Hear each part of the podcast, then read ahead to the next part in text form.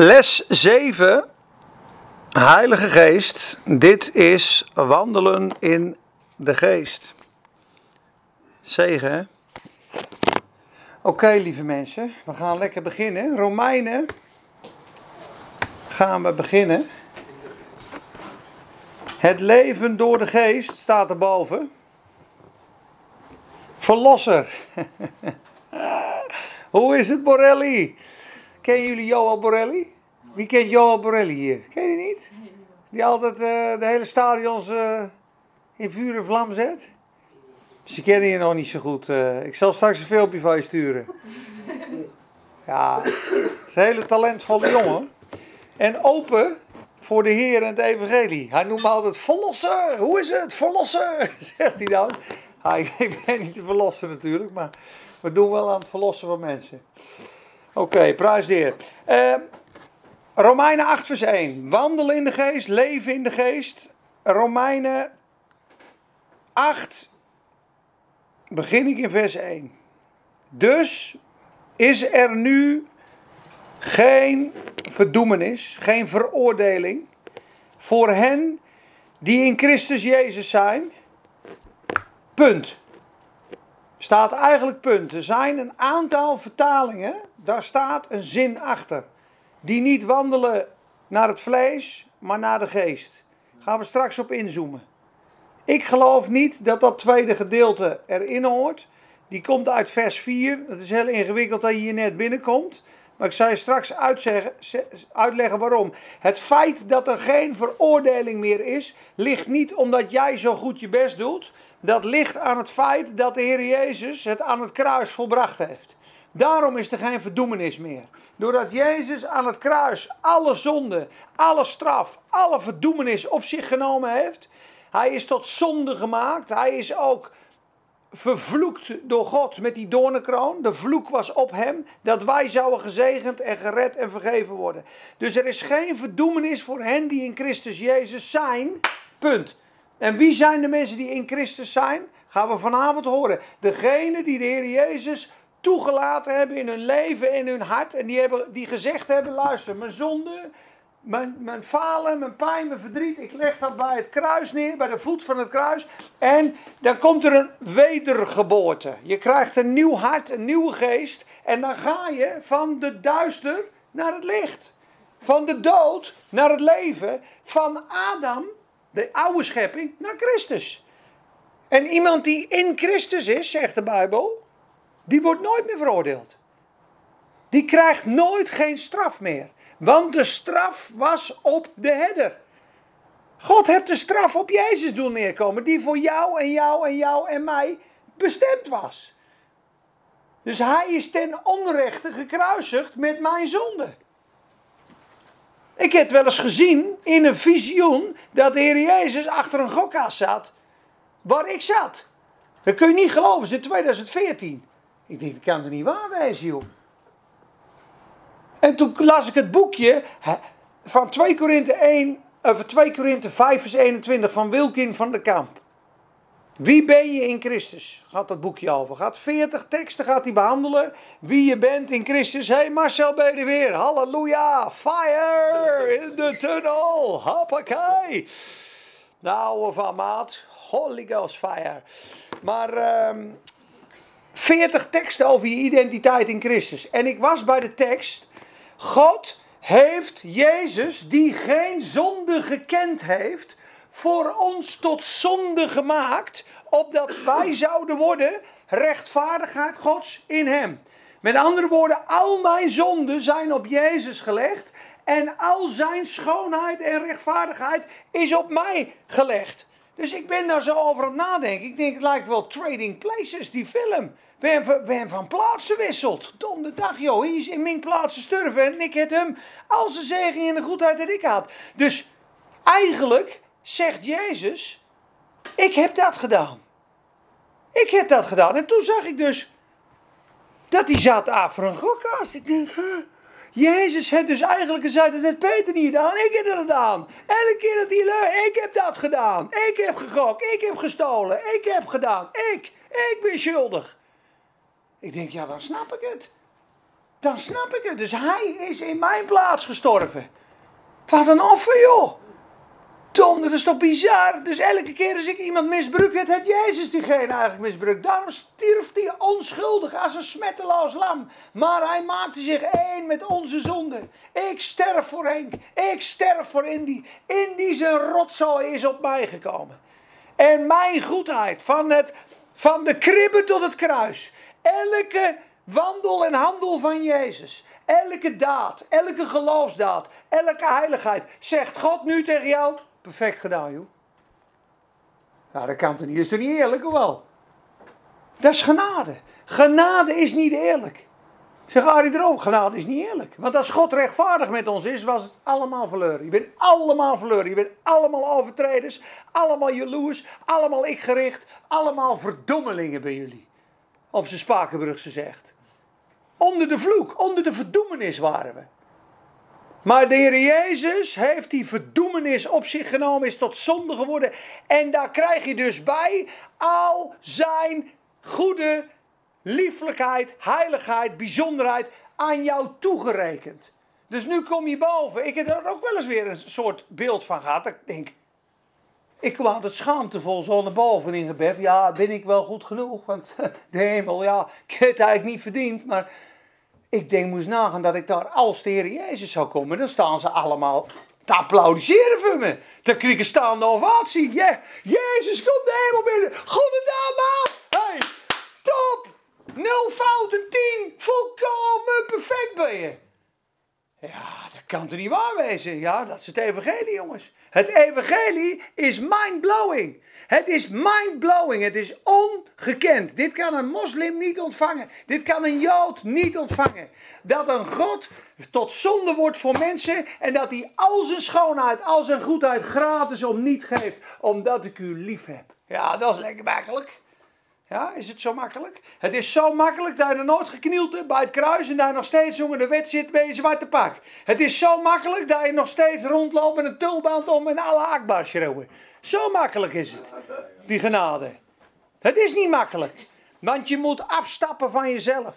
En zeggen, Heer Jezus, ik kan mijzelf niet redden. U moet mij redden. U stierf aan het kruis. Ik sta schuldig. Maar door u sta ik nu onschuldig. Daarom zegt 1 Petrus 3, vers 18: De rechtvaardige voor de onrechtvaardige. Opdat hij ons tot God zou brengen.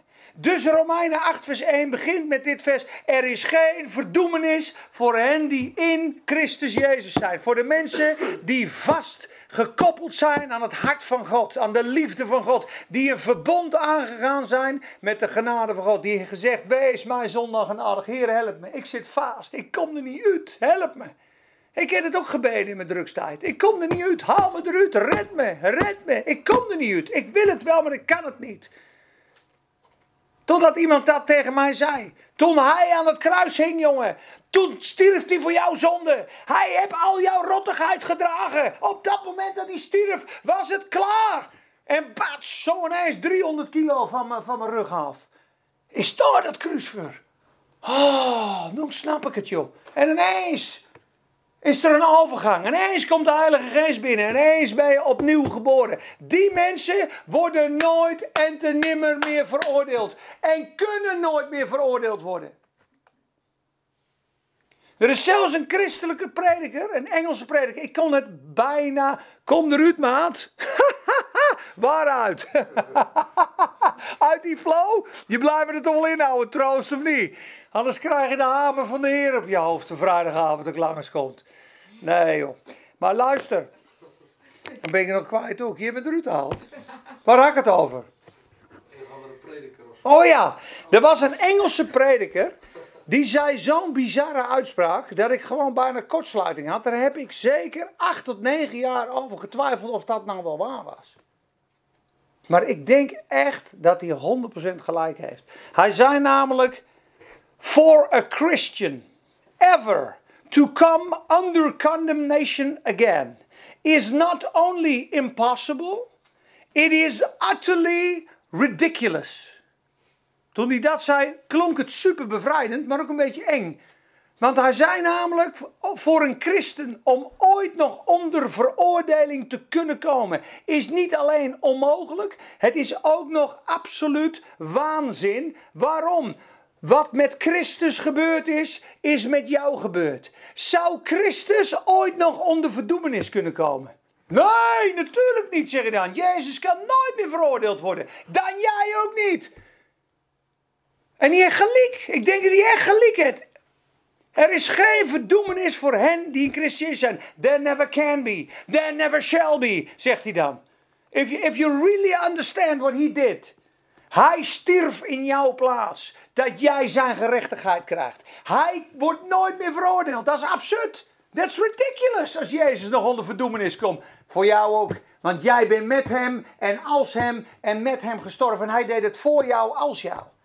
Als Christus nog onder veroordeling kan komen, kan jij ook nog onder veroordeling komen. Maar Christus kan nooit meer naar de verdoemenis. Dus een christen kan nooit meer naar de, naar de verdoemenis, jongens. Dat is het goede nieuws. Voor mij is dat het goede nieuws. En dan gaat hij verder. Dus die tekst, dat tweede gedeelte, die niet naar de vlees wandelen, maar naar de geest. Hoe zit het dan met christenen die bekeren tot moslim? Nou kijk, het is heel simpel. 1 Johannes 2 vers 19 zegt, indien zij van ons geweest waren, hadden ze bij ons gebleven. Maar zij waren niet uit ons, daarom zijn ze uit ons weggegaan, opdat openbaar zou komen dat ze eigenlijk nooit van ons geweest zijn. Dat geloof ik. Ik geloof een oprecht wedergeboren christen die echt opnieuw geboren wordt, gaat niet meer verloren. Maar dat geloof ik. Ik weet dat er een paar moeilijke teksten zijn. Lekker hoor, oude vuurvreter, huppakee. Hier al, Arnoudje troost. Je die? House of Miracles, ook een mooie kerel hoor. Arnoud was in de, in de, hoe heet dat, in de coronatijd, begon die, was hij nog aan de sniffel hè. Lekker aan de sniffel. Ook met de heer geweest, even aan de snuif. Ja, bij Johan Toet in een dienst geweest, aangeraakt, vuurvlam op zijn hoofd, naar bijbelschool. Nu die bevrijdingsbediening. Preekt gewoon bijna elke dag. Zijn vrouw is Deborah van Deborah Faith Movement. Lijntje. Hij nam nu een lijntje, heeft nu een lijntje met de Heer. Een vaste lijn. Hartstikke idee. Bel de Heer even op, maat. Hey, maar Deborah's Faith Movement, zijn vrouw, die schudt het hele land straks. En hij ook. Zo is het. In vier jaar tijd. Hoe wat de Heer kan doen. Met mensen. Dus het is een geweldig getuigenis, broer. Halleluja. Peter, mag ik nog even wat toevoegen? Uh, Oké, Jezus is voor ons aan het kruis gegaan. Ja, Die heeft alle zonden op zich genomen. ja, Maar eigenlijk gebeurde het al in, eh, in, in Genesis 1, dat kan je het lezen. Hop. Nadat de zondeval had Jezus ook kunnen zeggen van, bekijk het maar. Ja, Zoek het maar uit. precies. Ik geef mijn zon helemaal niet. Precies. Had rechtvaardig geweest. Dat hij toch zei, mens, waar zijt gij? Juist. God wil bij het ons wonen. Juist. Oké, En ik. dat is het vervolg van dat Jezus eh, zich heeft voor ons. Amen. Amen. Ja. Nou, ik ga dat andere stuk van dat vers misschien een andere keer behandelen, maar ik ga verder naar vers 2. Want vers 2 zegt, want de wet van de geest van het leven in Christus Jezus heeft mij vrijgemaakt van de wet van de zonde en de dood. Ik ben vrijgemaakt van de wet van de zonde en de dood. Wat voor de wet onmogelijk was, krachteloos als zij was door het vlees. Dat is een moeilijk vers, ga ik zo uitleggen. Dat heeft God gedaan. Hij heeft zijn eigen zoon gezonden in de gedaante van het zondige vlees. En omwille van de zonde, de zonde veroordeeld in het vlees. Hoe moeilijke cryptische tekst wil je hebben in je leven? Zal ik hem nog een keer lezen?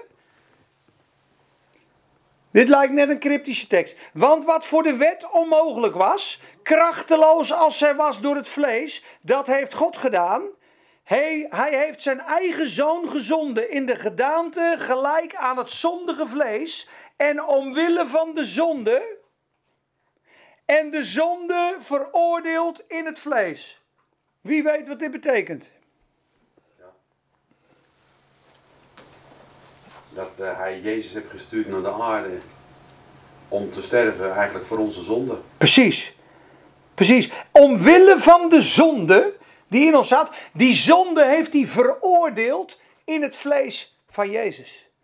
Hij gaat namelijk uitleggen waarom er geen verdoemenis meer is voor hen die in Christus zijn. Daarom begint vers 2 met want. Daarom geloof ik niet dat het tweede deel van vers 1 erbij hoort. Want die staat namelijk in vers 4. Bij mij staat hij ook niet. Nee, er staat dus, er is geen verdoemenis voor hen die in Christus Jezus zijn. Punt. Nadense vertaling staat het. Amplified vertaling, American Standard. Alleen de Statenvertaling in de King James staat in die niet wandelen naar het vlees, maar naar de geest. Met andere woorden, zolang als jij in de geest wandelt en je best doet, is er geen verdoemenis. Maar zodra je er dus buiten valt, is er wel weer verdoemenis. Ik geloof dat niet. Want Christus heeft het volbracht. Daarom is vers 2, want de wet van de geest van het leven heeft mij vrijgemaakt van de wet van de zonde en de dood. Weet je wat de wet van de zonde en de dood is? De wet van Mozes. Hé, hey, dit hè? Wat voor wet is dit? Wat voor wet is dit? Zwaartekracht. De wet van de zwaartekracht. Dit is de wet van de zwaartekracht. Die wet, die zegt gewoon, dit valt naar beneden. Vroeger, als je zondigde, was er de wet van de zonde en de dood. Met andere woorden, als jij de wet brak, ja, was er zonde en dood. Zodra jij fouten maakte en Gods gebod overtreden, in het oude verbond moest je een stier pakken of een bok of duiven, moest je offeren om je zonde te niet te doen, want je stond schuldig voor God. De wet van de zonde en de dood. Maar wat zegt hij nu? De wet van de geest van het leven in Christus Jezus heeft mij vrijgemaakt van de wet van de zonde en de dood. Dus op het moment dat ik zondig, is er geen dood en verdoemenis en hel meer en straf. Maar barmhartigheid uit genade. Hoe kan dat, hé? Dus ik faal en ik ben nog steeds zo schoon als Jezus? Dat kan niet. Dan komt hij weer. Nee maar dan kun je maar aanleven. Dat is religie. Dan kun je maar aanleven. Oh, dus ik schiet een bank, eh, ik kan een bank overvallen, ik kan drugs gebruiken en ik ben een net zo als Jezus. Dat is een onbekeerd iemand die de genade nog nooit begrepen heeft. Maar als God tegen jou zegt, mijn kruisoffer is zo groot voor al jouw zonden. Al zou je morgen vallen, heb ik je nog gedragen. Weet je wat er dan gebeurt? Heer, wat bent u groot. Ik wil helemaal niet vallen, man. Ik wil bij u blijven. De wet van de geest van het leven in Christus heeft mij vrijgemaakt van de wet van de zonde en de dood. Hein Posma zei dat Peter is een luchtballon. Hij valt niet meer. Die zwaartekracht wordt overwonnen door die luchtballon van genade. Jij kan het niet, maar hij wel, door zijn geest. Daarom breekt die wet. Die zwaartekrachtwet wordt overwonnen door die luchtballon. En dat is de genade van God, die sterker is dan de zonde. En dan zegt hij want, kijk, hij zegt want in vers 2 en hij zegt want in vers 3. Wat is hij aan het doen? Hij is aan het uitleggen waarom er geen verdoemenis meer is. Hij is aan het onderbouwen. Waarom is er geen verdoemenis in Christus? Hoe kan dat? Waarom worden we nooit meer gestraft? Nou, dat zal ik je zeggen, zegt Paulus. Want de wet van de geest van het leven in Christus Jezus heeft mij vrijgemaakt van de wet van de zonde en de dood. Want, gaat verder, wat onmogelijk was in onze eigen kracht, krachteloos als de wet was door ons vlees, door onze prestatie, je moet dit, je moet dat, je moet zus, je moet zo, zonder de Heilige Geest, kansloos tegen de hel en de demonen. Kansloos zijn we tegen de hel en de demonen. Kansloos om de wet van God te volbrengen in je eigen kracht. God heeft dat gedaan. Hij heeft zijn eigen zoon gezonden in de gedaante van het zondige vlees. Als mens is hij geworden. En omwille van die zonde, dat grote probleem wat wij hadden tussen God en ons, heeft hij de zonde veroordeeld, bestraft in het vlees van Jezus. Opdat de rechtvaardige eis van de wet, je moet zo en zo en zo en zo, vervuld zou worden in ons. En wanneer wordt die wet vervuld in ons? Als wij wandelen naar de geest en niet naar het vlees. Dus God heeft ons eerst het geschenk gegeven, geen verdoemenis meer voor jou. Voor nooit. Ik heb jouw straf gedragen. Maar wil je nou ook dat die mooie wet van ik heb lief, ik eer mijn vader en moeder, ik stil niet. Wil je nou ook dat die wet door jou heen naar buiten komt? Dan moet je wandelen in mijn geest. Dan moet je het evangelie gaan geloven. En dan zeg je, Heer, hier ben ik. En dan begint hij te onderwijzen hoe we in de geest wandelen. En daar gaan we nu beginnen. Hoe wandel je dan in die geest? God heeft je vergeven. We zijn begonnen met genade. Het evangelie heb ik getracht te, te proberen te prediken. Hij is voor ons tot zonde gemaakt. Dan geloof je het evangelie. Je bekeert je van je oude leven. Ik stop met liegen. Ik stop met verkeerde relaties. Ik stop met bedonderen. Ik stop met dealen. Ik stop met alles voor mezelf te doen. Ik geef mezelf aan u, Heer Jezus. Ik zie dat ik reddeloos verloren ben met u onder, eh, zonder u. En als ik nu voor u zou staan, dan zou de wet zou mij schuldig veroordelen. Ik lig onder uw verdoemenis. Wist je dat de Bijbel dat zegt? Jongens, dat is heftig ook, hè? De andere kant van het evangelie. Ja, dat klopt. Mensen. Johannes 3, vers 36, hè? Dus het goede nieuws en het heftige nieuws in één vers. Johannes 3, vers 36. Randelema sokabande. Wat zeg je? Wie in de zoon gelooft, heeft eeuwig leven. Maar wie de zoon ongehoorzaam is, dus wie het evangelie naast zich neerlegt, zal het leven niet zien. Maar de toren van God blijft op hem. Zie je dat een mens die los is van God onder de toren zit? Wie in de zoon gelooft, heeft eeuwig leven. Maar wie de zoon ongehoorzaam is, daar hoef ik niks mee te maken, zal het leven niet zien. Maar Gods toorn blijft op hem. Dat betekent dat de wereld ligt onder Gods toorn. Vanwege de zonde en de zondeval. Maar daar komt dat stuk wat Henk net zegt. Jezus zond zijn zoon. Staat met een uitgestrekte arm. Lieverd, ik wil jou niet veroordelen. Ik wil niet dat je sterft. Ik sterf voor jou. Maar je moet wel uitkomen. Je moet uit dat systeem komen. Je moet die Satan verwerpen. Je moet je zonde verwerpen. Je moet je bekeren. Je gelooft het evangelie. Je laat je dopen onder water. Ik vervul je met de Heilige Geest. En dan ga je van de dood naar het leven. Dat is het evangelie. En dan ga je voor overgave. Kijk, Handelingen 5:32 zegt: God heeft de Heilige Geest gegeven aan allen die hem gehoorzaam zijn. En dit is de gehoorzaamheid van het geloof. Niet die al zijn geboden netjes houden als een fariseeën. Nee, die hem gehoorzaam zijn. Wat is het gehoorzaamheid? Ik geloof het evangelie. Als Jezus voor mij gestorven is, dan geloof ik het. Dan zegt God, hier heb je mijn geest, lieverd. Want de geest is het teken van het verbond. Ik geef mijn geest in jou, dan ben je verzegeld. Dat betekent dat je voor altijd bij mij bent. Daarom zegt de Bijbel ook: Hij zal in u zijn en met u zijn tot in eeuwigheid. Ik laat u geen wezen, zei troost vanmorgen. Ik kom weer tot u. Wie is dat? De Heer Jezus zelf woont in ons. Dat is het onderpand van onze erfenis en onze verlossing. Totdat de dag aanbreekt dat hij ons komt halen. Dus ik heb een onderpand. Betekent, ik heb een Bentley gekocht, ik heb drie ton aanbetaald, die worden maakt. Ik kom die Bentley volgend jaar halen. Kost 1,2 miljoen. Ik betaal 3 ton aan. Sterker nog, ik betaal hem helemaal. Dat heeft Jezus gedaan. Die Bentley wordt gemaakt. Het onderpand is de geest. Zo vast als een huis. Dat is de belofte van de Heilige Geest. Die geeft hij aan die hem gehoorzaam zijn. Paulus, gelaten 3 zegt, heeft u de Heilige Geest ontvangen omdat je zo goed je best deed voor God? Of omdat je geloofde wat ik preekte over de Heer Jezus, dat hij aan het kruis gegaan was voor je? Amen. Handelingen 10. Petrus, vorige week nog gepreekt. Door Jezus prediken wij u de vergeving van zonden. Dat allen die in hem geloven, vergeving van zonden zullen ontvangen. Toen Petrus dit nog sprak, viel de Heilige Geest op allen die het hoorden. Handelingen 10. Hij komt op geloof. Dan, hij zond zijn woord en genas hem. Nu beginnen we. Dat is de inleiding dit, lange inleiding, met wandelen in de geest. Dat is de bodem die ik nu leg. Dus we praten over iemand die van Adam naar Jezus is gegaan. En nu zegt hij, joh, je, bent je bent uh, niet meer onder de veroordeling. Je bent in het gezin van God gekomen. Ik heb jou mijn geest gegeven. Maar hoe ga je nou wandelen in die geest? Zodat je niet meer in je eigen gebrekkige, zwakke fouten blijft vallen. En we mogen dus fouten maken. Maar als je net tot geloof gekomen bent, een baby, ik weet niet of je wel eens een baby hebt gezien die gelijk kan lopen en nooit zijn pempertje vol knalt. Nou, die binden niet. Maar iemand van 12 loopt niet meer met een pamper om. En je kan ook niet verwachten van een kind van 11 dat ze auto kan rijden, bij wijze van. Dus er zijn bepaalde dingen in ons leven die mogen heel rustig en liefdevol ontstaan met God. Maar je kan niet in de zonde blijven. Maar God wil, en je ziet dus ook aan Anhoud, dat je in vier jaar. Waarom lachen jullie nou? Oh, Enzo. Wat dan?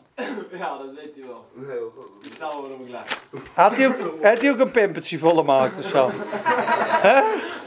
Halleluja, lekker. Ja, ik hou ervan, Marcel. Wist je dat trouwens? Luister jongens, ik zei straks het boek van Tom kun je bestellen. Eh, Jezus aanraken. Wie kent dat boek? Nee, die, die man die nu hier halleluja lekker zegt, die, die was echt waar, hè? dus een getuigenis online. Die heeft acht jaar een hernia gehad en kermen van de pijn. Zat in een rolstoel. Wat is er, maat? Nee, dat is de Heilige Geest. Oh, oh, je hebt gewoon joy. Oh, dat is goed. Oké. Nee, laten we dan. De joy is hier. Kijk, hier zit hij te lachen. Hij zit te lachen, Marcel. Maar ik zal een getuigenis van Marcel vertellen. Die, was, die is nu een afgetrainde atleet. Die rent gewoon een marathon. Hij zat acht jaar in een rolstoel. Schold, schold zijn vrouw elke dag verrot. Op een gegeven moment, hij zei, joh, zet me gewoon voor de trein, joh. Ik ben het helemaal zat, joh. Zet me voor de trein, trut. Hij heeft jarenlang, was hij helemaal kermend klaar met die pijn van die ziekte. Acht jaar in een rolstoel. Was echt suicidaal. En een stukje zwaarder als nu. En hij leest het boek van Tom de Wal. En hij leest dat stukje over de bloedvloeiende vrouw. En dat zegt de bloedvloeiende vrouw, zegt, als ik zijn kleed aanraak, zal ik gezond zijn. En in dat boek staat, ook jij kan Jezus kleed aanraken en gezond worden. En hij leest het zo en hij hoort gewoon een hoorbare stem. Marcel, sta op. Marcel, sta op. Hoe bedoel je? En nog een keer, Marcel, sta op. Uit zijn rolstoel. Hij zit in de tuin, zijn- vrouw en zijn dochtertje of zijn zoontje, weet ik niet, zijn weg. Hij begint uit die rolstoel te stappen en na zes, zeven stapjes denkt hij, dit kan helemaal niet. Dit kan gewoon niet. En de twijfel begint hem aan te grijpen. En ineens denkt hij, nee, ik ben niet als Petrus. Ik ga niet op de golf. Ik ga geloven. Ik geloof dat God... Ik raak hem aan. Vanaf dat moment loopt die man. Heeft hij getuigd. Is hij gaan trainen. Is nou evangelist. Drie jaar geleden. Drie jaar geleden. Hij hem nu ziet, jongen. Evangelist, afgetrainde commando. Lekker strak in het pak. Helemaal ziek was hij. En helemaal klaar met het leven. Grote wonder. Ja, het is echt een maximaal groot getuigenis, Marcel. Dus eh, prijs de Heer, jongen. Halleluja. We beginnen dus nu. Les, hoe wandel je in de geest? Ja? Vers 4, sorry. Opdat de rechtvaardige eis van de wet, de volmaakte liefde, vervuld zou worden in ons. Hoe doe je dat? Door niet in het vlees te wandelen, maar in de geest.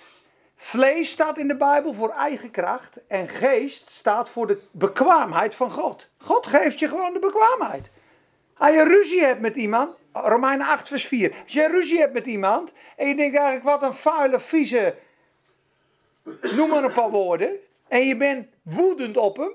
Dan kan jij in je eigen kracht, kan jij het niet voor elkaar krijgen om zo'n persoon te zegenen en lief te hebben.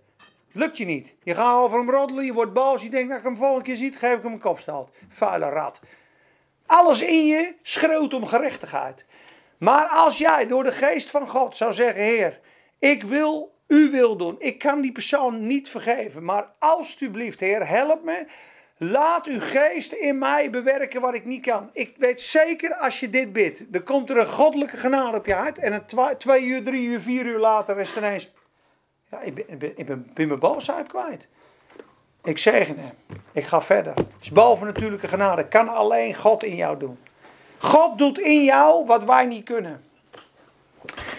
Dus de wet wordt in ons vervuld, de volmaakte liefde, als we wandelen in de geest. Immers, degenen die naar het vlees zijn, de natuurlijke mens, bedenken de dingen van het vlees. Ja, bedenken natuurlijke dingen. Maar die van de geest van God zijn, bedenken de dingen van de geest. Als je wil wandelen in de geest, kijk, dat is namelijk punt 1. Zet je focus op de geest. Dus je staat s morgens op ga je gelijk met de beurs bezig zijn, met zorgen, met geld verdienen, met allerlei afleiding, dan zet je je focus op het vlees. Gaat het vlees groeien? Het zijn net twee mannetjes, hè? Het vlees groeit of de geest groeit. Ga s ochtends beginnen, Heer, hier ben ik. En ga je het woord spreken. Ga je het woord lezen. Ga je in gebed en zeg, Heer, hier ben ik. Ik focus op u. En, mijn en met mijn geest zoek ik u. Heer, hier ben ik. Zet je focus op de geest. Zet je focus op de Heer. Is stap 1. Focus. Set your affection on things above. Recall where. Dus, want het bedenken van het vlees is de dood.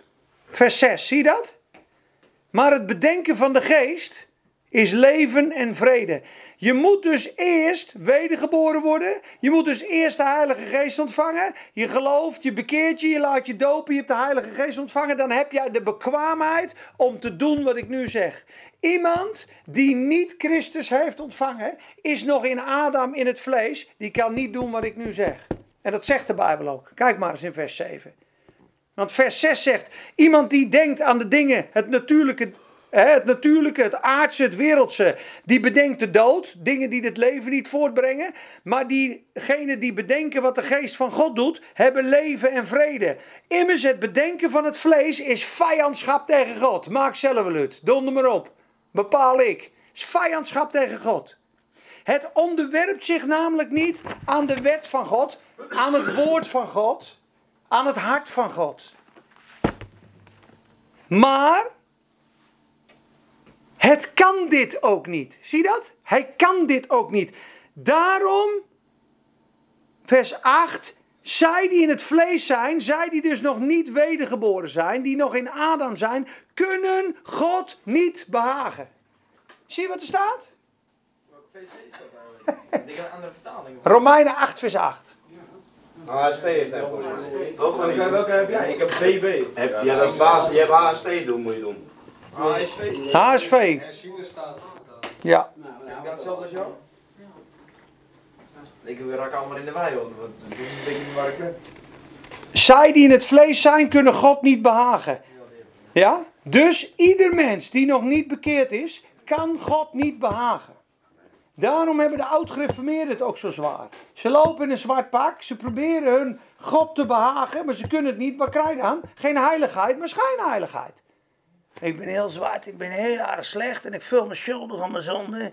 Maar ze hebben uiteindelijk niet geknield bij het kruis en gezegd: Heer, dank u voor uw genade. Het is me allemaal gegeven als een cadeau. Halleluja, mijn zonde ben vergeven. Ik kan me verheugen. Ik hoef niet in het zwart te gaan.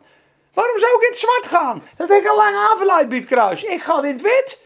Ik heb een witte jurk aan en een fakkel in mijn hand en een palmtaak. ik begin niet, eh, oh wee mij, oh wee mij. Hosanna, halleluja. Dat gaan we zeggen. We gaan niet in het zwart, we gaan in het wit. Gewassen, zo, zo wit als sneeuw. Witte zelfs. Want vers 9 zegt, kijk, maar u bent niet in het vlees. Wie zijn er niet in het vlees? Wij. Iedereen in Jezus. De wedergeboren is. De wedergeboren christen is niet in het vlees, maar in de geest. Hoe weet je wanneer je in de geest bent? Wanneer althans de geest van God in u woont. Wat gebeurt er als je bij het kruis komt? Wat gebeurt er als je gaat knielen? Je wordt opnieuw geboren. Wat ontvang je dan? De Heilige Geest. Dan word je opnieuw geboren. U bent niet meer in het vlees, maar in de geest. Indien de geest van Christus in u woont. En wat staat erachter? Als iemand de geest van God niet heeft, die behoort hem niet toe. Dus daar tikkel je ook gelijk de algehele verzoeningsleer mee. Iedereen hoort erbij. God is voor iedereen gestorven. Houdt van iedereen. Er is geen hel. God is liefde. Dat, dat klopt niet. Maar de Bijbel zegt, ieder die de geest van God niet heeft, is, en dat klinkt misschien heel cru, nog steeds in Adam, is nog steeds een kind van de duivel, volgens de Bijbel. Geboren in de zonde, onder de verdoemenis. Hoeveel goede werk je ook doet, hoeveel programma's op die tv je ook eh, presenteert met het spijt me en I love you en knuffel en lachen en grappen en grollen. Als je niet in Christus bent, ben je buiten Christus, lig je onder het oordeel van God. Zo heftig is het evangelie. En die mensen weten het niet. Want ze denken namelijk, het is goed met mij. Ik ben toch geen moordenaar, ik ben toch geen dief, ik ben toch een goed persoon. Ik ga rechtstreeks naar de hemel. Je bent zo'n goed persoon dat de Heer Jezus had niet aan het kruis gehoeven voor jou. Nee, voor mij had hij niet aan het kruis gehoeven, zei iemand. Van dat toernooi. De tien geboden, ja, die doe ik altijd al. Die doe ik mijn hele leven al uit mezelf. Ja, dan ben je mooi blind hoor. Want er is er geen één die hier zit die geen zonde heeft. Er is er geen één hier van ons. Die als we in het licht van de hemel zouden staan, die zou kunnen roemen. Maar Ming is niks op te In maken. Jacobus 2, als je er één begaat, bega je allemaal. Precies, 2 vers 10, heel goed. Dus wij hebben allemaal genade nodig. Daarom zegt de Bijbel: iedereen heeft gezondigd. Iedereen mist de heilige standaard van Gods heerlijkheid. Iedereen ligt onder de verdoemenis. Maar ze worden om niet uit genade gerechtvaardigd door het geloof in de Heer Jezus Christus. Halleluja. Want God heeft hem openlijk aangewezen, Jezus, als zoenoffer voor onze zonde. Door geloof in zijn bloed. Weet je waar je op moet geloven? Op zijn bloed. Ik geloof in uw bloed. U hebt voor mij betaald. U hebt mij vrijgekocht. Dat eert God. Als je dat gewoon vrijmoedig durft te zeggen, Heer, ik roem in uw bloed. Ik roem in uw kruis. Ik roem niet in mezelf. Ik roem in u. Want u hebt uw zoon gegeven. En doordat u uw zoon gaf, ben ik nu vrij uit. Ik snap het niet. Het is ook helemaal niet eerlijk. Maar dat maakt ook helemaal niet uit. Want ik ben vrij. En de Heilige Geest is in me. De duivel is onder mijn voeten. Ik heb er niks aan gedaan. Het is allemaal zijn werk. Halleluja! Dan begint hij hoor te vlammen, het evangelie. Dit is het evangelie kinderlijk eenvoudig. Niet uitwerken. De gerechtigheid die wij gedaan zouden hebben. Maar door zijn genade. Genade, hoef ik niks te doen. Nee, lieverd. Ik ben al gekruisigd voor jou. Het enige wat je hoeft te doen is mijn hand pakken. En zeggen, ja heer, ik wil bij u horen. En dan komt die geest. En dan begint dat leven. En dan gaat het stromen, stromen, stromen, stromen. En wat wil God dan? Dat die geest zo groot in jou toeneemt. Dat iedereen gaat zien, Jezus woont in die meid. Jezus woont in die jongen. En weet je hij doet? Hij werkt demonen uit. Hij breekt jukken. Hij getuigt. Hij, hij kan niet eens meer liegen. Zo'n eerlijk, zuiver, liefdevol mens. Ik ben nog nooit zo lief behandeld. Wat is er gebeurd met die jongen? Vroeger roofde en stilde die. Was hij aan het roddelen? Die was altijd agressief. Het is een zachte, aardig, lief persoon geworden. Je gaat het koninkrijk van God bouwen. God wil jouw talenten zegenen. Dat je tot volle bloei komt. Dat je straks in die hemel aankomt. Zeg je ook, ik ben gered uit genade. Maar door uw genade heb ik ook mijn talenten nog mooi in mogen zetten, Heer. Hey, gaat in in de vreugde des Heren, vriend. Vijf talenten had ik je gegeven, je hebt er tien van gemaakt. Heb heerschappij over tien steden. God wil dat we straks met hem als koningen en koningen, koninginnen regeren in de eeuwigheid. Hij maakt ons klaar voor die eeuwigheid. Als iemand de geest van Christus niet heeft, die hoort niet bij God. Punt. Is keihard, jongens. Maar als er een andere oplossing was, had Jezus niet naar de aarde gekomen. Daarom klopt islam ook niet. Want als islam zou kloppen, dan had God ze nooit uit het paradijs gegooid. Dan had hij gezegd, jongens, jongens, jullie gegeten van de appel. Nou, we hebben wel een oplossing. Je gaat vijf keer per dag bidden. Ja, en je doet een beetje je best. Dat is daar buiten de tuin. En als je dan een paar goede punten gescoord hebt, dan kom je gewoon weer lekker terug. Dat is allemaal goed. Want je kunt dat weer verdienen. Kan niet. Hij gooide ze uit het paradijs omdat ze gestorven waren. En er kwam een gerups om de boom des eh, levens. En het was nodig dat de Heer Jezus kwam. Anders had die hele schepping naar de verdoemenis gegaan. De hele schepping. Als rechtvaardigheid is door de werken van de wet, is Jezus Christus te vergeefs gestorven, zegt de Bijbel. Als je met God in het reine kan komen door jouw gedrag, is het kruiswerk van de Heer Jezus een sprookje. Dat is wat de Bijbel zegt. Onze rechtvaardigheid is door de dood van Christus. Als geschik. Kun je niks aan doen. Moet je gewoon amen, dankjewel voor zeggen. Hey Peter, en hoe zit het dan met die mensen in het Oude Testament die leefden? Die, eh, die toen was Jezus nog niet aan het kruis gestorven, toch? Of, moesten offeren. offeren. Oh, oh. Een boekje. Ja, die hebben zijn bloed. Kijk, iemand zei een keer heel mooi. Die gingen niet gelijk naar de hemel. Nou, zij, zij offerden en het bedekte de zonde, tijdelijk, maar ze zagen uit naar het offer. Wij hebben het offer, ja, in die tijd werd Jezus gekruisigd, toen hadden ze het offer en wij kijken terug op het offer. En straks in de eeuwigheid zullen we ook weer, wordt er weer geofferd, hè? Hun gingen ook niet gelijk naar de hemel. Hun gingen naar het paradijs. Ja. Want eh, toen Jezus eh, voor het eerst verscheen, zei hij, raak me nog niet aan. Mhm, maar ik ben nog niet Hij verheerlijkt. voel mijn handen, voel mijn wond. Hij moest eerst het bloed voor de troon brengen. Toen pas kon iedereen direct naar de hemel komen. Halleluja. Wil jij live uh, jouken of zit je op de verkeerde knop te drukken? Bariska jouken, misschien heeft hij een vraag, dat kan ook natuurlijk. Ik wil het wel doen. Hé hey barista, ga je koffie maken of zit je op de verkeerde knop te drukken? Wat is er aan de hand? Nee jongen, ik hoef helemaal niet live. Nee, waarom druk je dan zes keer op een verzoek? Ja, ik zit daar maar niet. Ja, misschien dat ik het ongeluk op mijn... Ah, Drie keer op rij. Halleluja, geeft niks. Lekker! Oké, vers 10. Als Christus echter in u is, dan is het lichaam wel dood vanwege de zonde, maar de geest, of jouw geest, is levend vanwege de gave van Gods gerechtigheid. En als de geest van Hem, van God, die Jezus uit de doden opgewekt heeft, in u woont, zie je hoe mooi dit is, zal Hij die Christus uit de doden opgewekt heeft, met die grote kracht, ook jouw sterfelijk lichaam levend maken door zijn geest die in u woont. Dus waar komt jouw power vandaan? Van de Heilige Geest. Van de Heilige Geest, dus van de, van de Vader. Daar komt je power vandaan. Dat is de motor van het geloof. De motor, ja. De inwonende Christus is het geheim van het geloof. Dat zegt Colossense 1 vers 26. Hang maar op hoor. Je moet op het, je moet op het kruisje drukken. Op het kruis. Nee, toch? Ja, hij is nu weg. Perfect maat. Kunnen jullie het volgen jongens? Ja, ja, ja. Voelen mensen sommige dingen branden? Nou, maar ik wil nog even wat toevoegen, Peter. Dat mag ook, hè. Ja. Eh, Jezus was eens een keer in de, in de nacht ik, was dat een keer met Nicodemus, dat is een schriftgeleerde. Nicodemus was een schriftgeleerde, die wist de Bijbel toch ook zo goed? Weet je wat Jezus tegen hem zei? Moet opnieuw, eh, je denken moet vernieuwd worden. Ons Ja. denken moet vernieuwd worden. Ja. Maar dat, dat geldt voor iedereen die naar een kerk of wat, wat voor Hmm. denominatie, Mhm. dat het denken vernieuwd moet worden. Dat moet toch ook, ja Philip, wanneer wat voor denominatie, je hoeft er niet in zwart te lopen. Nee, maar als je gelooft. Het uit- denken moet toch vernieuwd Ja, maar als jij gelooft dat je God ermee behaagt. Kijk, die Joden denken nog dat Jezus moet komen. On- Onderlaatst stonden in Israël een paar mensen met een kruis. Hè? En stonden te praten over Jezus. Dan zie je gewoon die, met die krulletjes, ook die kinderen. Ja, ja, ja. Allemaal tuf op de grond ons. Hè? Ze verwerpen dat kruis en Christus, want dat is niet gebeurd, zeggen ze. De Messias moet nog komen.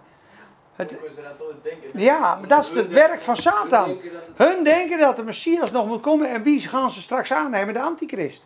De valse Jezus gaan ze straks aannemen. Die gaat een verdrag met ze sluiten. Die doet zich ver als de Messias. Dan zeggen ze, oh, eindelijk is die er. En dan wordt er vrede gesloten op de Arabische wereld. Nu heb je ruzie. We kunnen heel dichtbij zitten.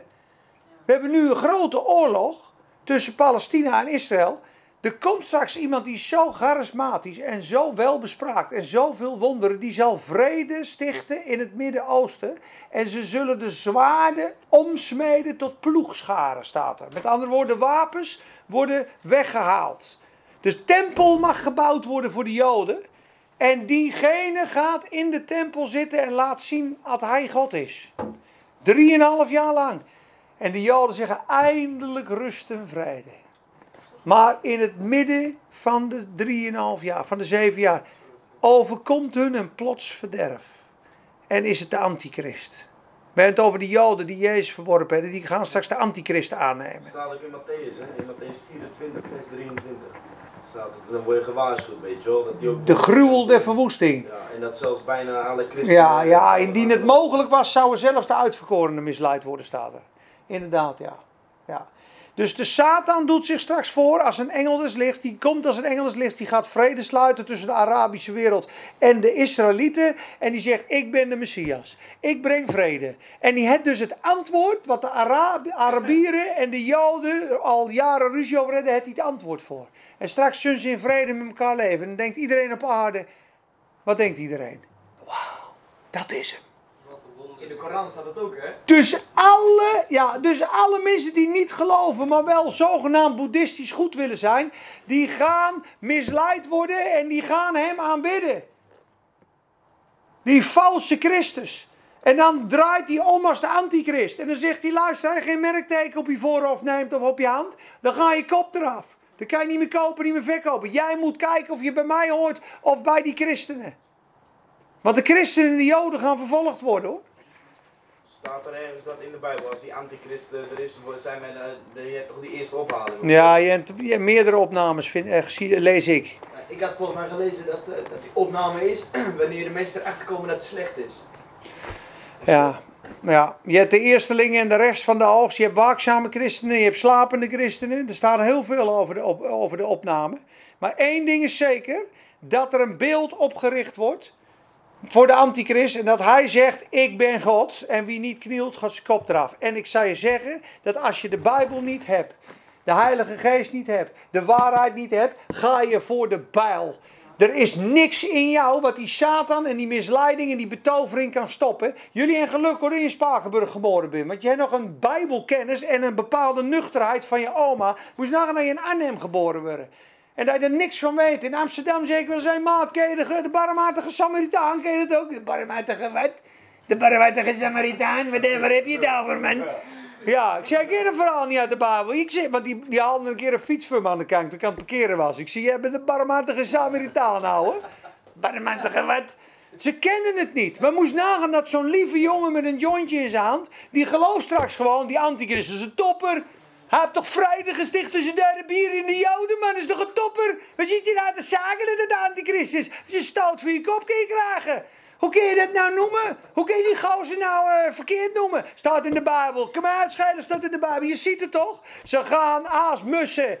Weet je dat ze het zand der zee de Satan zullen volgen? Wist je dat na het duizendjarig vrederijk, als Jezus op de aarde geweest is, als wij geregeerd hebben als koningen, dat na die tijd de Satan losgelaten wordt, dat hij zo'n misleidende, zuigende kracht bij zich heeft, dat ze als het zand der zee achter hem aangaan in de strijd van Armageddon, na duizend jaar op aarde Jezus geregeerd te hebben in het vrederijk, waar een leeuw en een, en een eh, eh, leeuw stro eet met een lammetje, waar een adder met een baby zal spelen. Er is vrede, dan wordt de Satan een korte tijd losgelaten. En hij krijgt het voor elkaar om die hele mensheid weer op te stoken tegen God. Zo'n misleidende, betoverende kracht, het Satan. Als je de Heilige Geest niet in je hebt, you are no match for him. Daarom is, me huilt mijn hart als ik een bekende Nederlander ziet. Die het evangelie niet omarmd heeft. Die gewoon goed is en liefdevol. Die gaat als een sikkel voor de, voor de, voor de bijl. Het nieuws zal het zeggen. De media zal het zeggen. Iedereen zal het zeggen. Het is de vredestichter.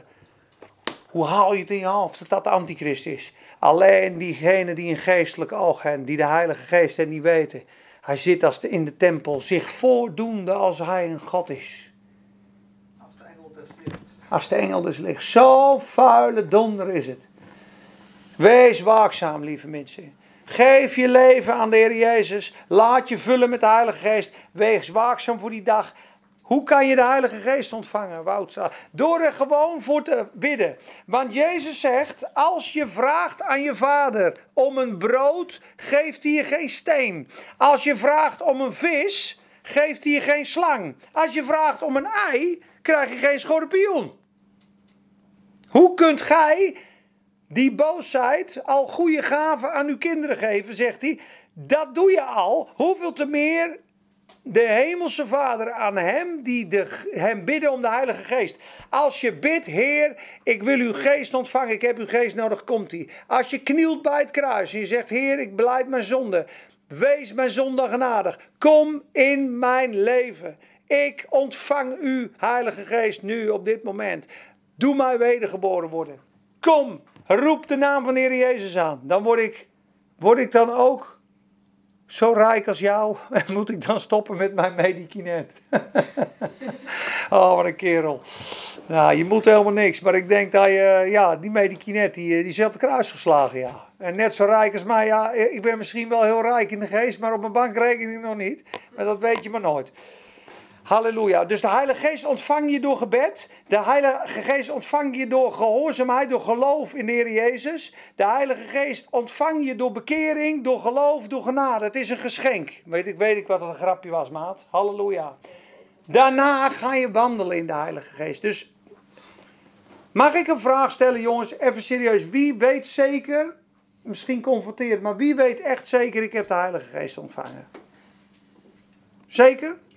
100%. Jij ook? Geweldig. Jij ook? Ik weet het niet zeker. Ik dat ik het voel zo. Zou je het willen? Ja, sowieso. Dan gaan we straks lekker voor je bidden, lieverd. Mooi. Ja, fijn. Halleluja. Ja. Want dit, deze boodschap is namelijk voor mensen die de Heilige Geest ontvangen hebben. Daarom is het anders een beetje moeilijk, snap je? Daarom vraag ik dat. Dit is een boodschap, Romeinen 8 is geschreven aan kinderen van God die de Heilige Geest hebben. Die eigenlijk geleerd worden, hoe ga je daar nou mee om? Hoe wandel je nou in die geest? Want ik heb hem wel, maar je kan dus kiezen in je ziel te leven. Ik wil, ik denk, ik voel. Ik heb geen zin hoor. Ik heb de Heilige Geest. Ja, tuurlijk. Ik heb ook dagen dat ik ruzie met mijn vrouw heb. Ben ik dan in de Heilige Geest? Nee. Jezus die kon helemaal eigenlijk niks voor zijn doop. Hij sprak niet over het koninkrijk voor zijn doop. Pas na zijn doop ontving hij de Heilige Geest. Ja. En de Bijbel zegt ook, eh, bij de doop ontvang je de Heilige Geest. Ja, maar Jezus, Jezus is natuurlijk wel gegroeid in genade en had een relatie met zijn vader. Alleen zijn krachtbediening van wonderen kreeg hij toen hij gedoopt werd in de Heilige Geest. Maar hij was natuurlijk wel met de vader. Hij kon ook openbaring uit het woord ontvangen, snap je? Omdat de Bijbel ook meerdere malen zegt van na de doop ontvang je ook de Heilige Geest. Precies, precies, precies. Maar Ik geloof persoonlijk dat je bij de doop de Heilige Geest ja, maar in Handelingen 10 ontvangen ze eerst de Heilige Geest bij Cornelius. En dan worden ze daarna gedoopt. Maar, eh, maar Peter, nog, nog, nog, eens wat anders. En er zijn ook mensen die hebben dus een kinderdoop gedaan. Die zijn ook helemaal tot geloof gekomen. Tot Jezus eh, gekomen. Maar die hebben ook de Heilige Geest. Ja, maar dan gaat Ah, ze- ja, tuurlijk. Die Jezus hebben. Ja, maar kijk, er zijn mensen die zijn niet gedoopt, die hebben wel de Heilige Geest. Alleen de echte vervulling en de blijdschap is gewoon als je het hele volle pakket neemt. Iemand noemt dat een wedergeboorte die niet volmaakt is. Net als je bijvoorbeeld met eh, complicaties geboren wordt. Een gezonde wedergeboorte heeft bekering. één, ik keer me af. Twee, geloof in het evangelie. Drie, doop in water. Vier, doop in de Heilige Geest. En zelfs een vijfde, dan word je gechiptuned, is de doop in vuur. Dan komt het vuur van God over je. Dan sta je zo in de fik dat je de hele boel in de fik zet hier gewoon. Snap je? Geef aan. Stefanus. Stefanus wandelde in het vuur. Dus, maar er zijn mensen die zeggen, joh, ik bekeer me wel. Ja, ik geloof het ook, maar ik laat me niet dopen. Die zijn wel een kind van God, alleen misschien zijn ze niet zo effectief als God wil, ze willen hebben. Snap je dat als je je laat dopen in water, zoals de evangelische, maar die wijzen de doop in de geest en het vuur en tongentaal wij- wijzen ze af. Dus ze blijven heel vaak op natuurlijk niveau. Geitenwolle sokken, hartstikke lief. Houthakkersblouse van 20 jaar oud aan. Rijkdom mag niet, zegen mag niet. Ja, tongentaal is ja, een beetje te, te spannend. Alles wat boven natuurlijk is, schrikken ze van.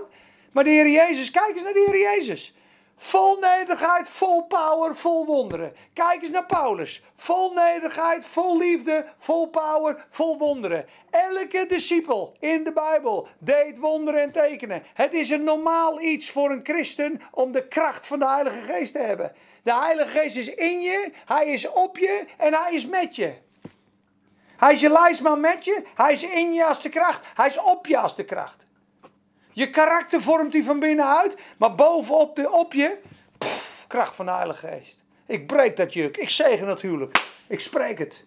Het mag. Het is de naam van God. Dus de veelvuldige werking van de Heilige Geest hebben we het in de vorige les over gehad.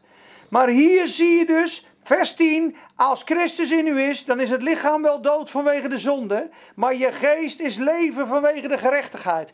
En als die geest van hem die Jezus uit de doden opgewekt heeft in u woont, zal hij die Christus uit de doden opgewekt heeft met die power, die opstandingskracht, die dat graf doorbreekt, die de dood doorbreekt, die de banden van de zonde doorbreekt, jouw lichaam levend maken door zijn Heilige Geest. En dat moet je aanwakkeren. Daarom zegt de Bijbel, wakker de vlam aan die in u is. Geen waakvlam, hop, omdraaien die knop. Full pool in dat gas moeten we wezen. De kracht van de Heilige Geest is in je. En wanneer begint die kracht te groeien? Wanneer begint de kracht van de Heilige Geest nou toe te nemen? Als je uitstapt, als je... Als je uitstapt in geloof. Als je God zoekt in gebed. Als je hem aanbidt. Als je het woord gaat doen. Als je met gelovigen omgaat. Als je je vult met de dingen van God. Vult hij je met jou. Maar als jij in je één. In je, weet je de grootste sleutel is? Overgave. Het moment dat jij je. De mate waarin jij je overgeeft aan God. Ja, is de mate van de vervulling van de Heilige Geest. Ze Corrie ten Boom ook. Jullie bidden altijd, zegt ze. Ik wil meer van uw geest. Ja, weet je wat de Heer zegt? Ik wil minder van jou. Ja, maar dit stukje wil ik nog wel eventjes houden. Dat is goed, lieverd. Ik hou van je, maar ik kan hem niet vullen. Ja, ik geef het op. Kijk eens. Boem. Nog, nog een vat gevuld. Oh, dan geef ik dit op. Oh, ik hou van u. Ja. Je begint al vol te raken nou. Ja, je begint zo vol te raken, dan begint te overstromen. Nou, laat dat ook eens los dan. Ja, dat vind ik wel heel lastig hoor. Dat vind ik wel heel lastig. Ja, maar ik hou van je. Totdat die klap komt, Heer. Ook dat stuk leg ik af. Ook dat stuk leg ik af. Jij geeft alles van jou. Ik geef alles van mij. Hoe meer van jou zelf weggegeven, hoe meer van Christus in jou. Hoe meer zelfverloochening, hoe meer vervulling van de Heilige Geest. Hoe meer God de ruimte krijgt in jou, hoe meer de kracht gaat stromen. Niet meer ik, maar Christus leeft in mij. Het is niet meer ik, maar Christus leeft in mij. Ik ben gekruisigd met Christus. Het is niet meer ik die leeft, maar Christus leeft in mij. En het leven wat ik nu leef in de geest, leef ik door geloof in de Zoon van God, die mij heeft liefgehad. En mij, zich voor mij heeft overgegeven. Ik doe de genade van God niet teniet. Ik ontkrachtig die genade niet. Want als gerechtigheid zou zijn uit de werken der wet, doordat ik God zo gehoorzaam, is die voor niks gekruisigd. Als jij een leven hebt van overgave, van dankzegging en van geloof, het woord doen, gaat de geest maximaal stromen. Als jij je handen op zieken legt en je gaat bidden, gaat de geest maximaal stromen. Als jij getuigenis doet tegen iemand in de supermarkt, moet je eens opletten. Moet je vertellen over je geloof tegen maar mensen en dan weglopen. En dan vijf minuten later moet, je iemand opbellen. Ja, broer, ik ken die ik een bijna twee mensen in de supermarkt. Die was een getuige. En die jukken en breuken. En die begon te brullen. Ik ben helemaal, ik sta helemaal in de fikstok. Dat is, daar komt die vervulling. Daar komt die vervulling. Halleluja, doe het maar op een verjaardag. Maar we praten vaak over voetbal, over de wereld, over de dingen, laag niveau. En zei iemand zelfs, zodra Jezus niet meer het topic is, is de Heilige Geest al door de achterdeur. Jezus moet het centraal staan. De Heilige Geest doet alleen maar Jezus verheerlijken, Jezus weerspiegelen, Jezus, Jezus. Zodra Jezus niet meer het centrum is, is de Heilige Geest al door de achterdeur. Het gaat om Hem. Hij is de vervulling, Hij is het leven. Heer, u bent mij alles waard. En dat is de strijd die we het hele leven mogen hebben. Ik, ik knielde bij het kruis voor mijn redding, maar ook elke dag een gekruisigd leven. Heer, red mij ook vandaag. Heer, ik kan het niet vandaag. Heer, een sollicitatiegesprek, ik heb het moeilijk. Geef me genade. Heer, help me met die deal. Heer, help me met mijn opvoeding van mijn kinderen. Heer, ik ben hier. Red mij. En het woord. Het woord doen. Het woord spreken. Adoratie. Vertel eens aan de Heer hoe lieflijk Hij is. Eens kijken hoe de geest gaat stromen. Heer, ik prijs u voor wie u bent. Ik dank u voor wie u bent. Ik dank u voor het kruis. Ik dank u voor uw bloed. Ik dank u voor uw geest. Ik dank u voor uw woord. Ik dank u voor, u, voor mijn vrouw, voor mijn kinderen. Ik dank u, ik dank u, ik prijs u. U bent goed. Ga eens door, ga eens door, ga eens door. Moet je opletten wat er gaat gebeuren. De geest begint je te vullen. Want wat doe je? Je gaat de Heer Jezus verheerlijken. Wat zegt de geest dan? Ik kom je helpen, man. Jij verheerlijkt de Heer Jezus. Ja, daar ben ik voor. Ik ben jouw helper. Ik ben jouw parakletos. Ik ben jouw trooster. Ik ben jouw bekrachtiger. Ik ben jouw wijsgeer. Ik ben jouw raad, jouw sterkte, jouw bemoediger. En je er doorheen zit en hij boos bent, komt hij ook troosten. De Heer Jezus wijst je nooit af. En hij zegt, Heer, ik ben zo donders kwaad vandaag. Ik heb zo'n rotdag. Ik ben zo boos. Ook dat mag er zijn. Dan is hij ook met zijn genade bij. Lieverd, kom eens hier, want ik ben ook je trooster. Maar oprechtheid brengt ook vervulling. Adoratie, zuiver geloof, zuiver van hart. Liefde en barmhartigheid. Het is gewoon een leven wat zich focust op de Heer Jezus, wat zich neerlegt. Een gekruisigd leven is een vervuld leven. En elk deel wat we nog vasthouden, en ik ben ook echt niet volmaakt in elk deel van mijn leven, want dan zou ik nog veel voller zijn en veel meer blijdschap, maar ik ben ook niet meer wie ik was. Ik heb deel, delen mogen overwinnen, maar de mensen die het meest vervuld zijn van de geest van God, zijn de mensen die het meest en het diepst geknield hebben voor de Heer Jezus. En Hem aanvaard hebben als koning, Heer en meester. En daar ook gezegd, Heer, hier ben ik. Ik leg het af. Alles. Ook mijn goede gedrag. Ook mijn dingen. Doet u het maar. En dat kan ook heel mooi verwoord worden dat zij Ariënkip. Weet je wat hij weet? Weet je wat hij tegen je zegt? Je moet me gehoorzamen, perfect. Zal hij dat zeggen? Of zegt hij, Peet, mag ik voor jou zorgen?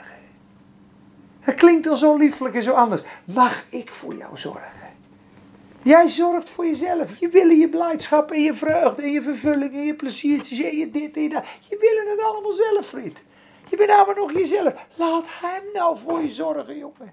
Ik zorg voor jou. Ik wil zo graag voor jou zorgen. Dan stop je met het zorgen van je, voor jezelf. Dan stop je met het redden van jezelf. Je bent namelijk jezelf nog aan het redden, joh. Hij redt jou. Hij zorgt voor jou. Laat het maar los. Dat is de vervulling van de Heilige Geest.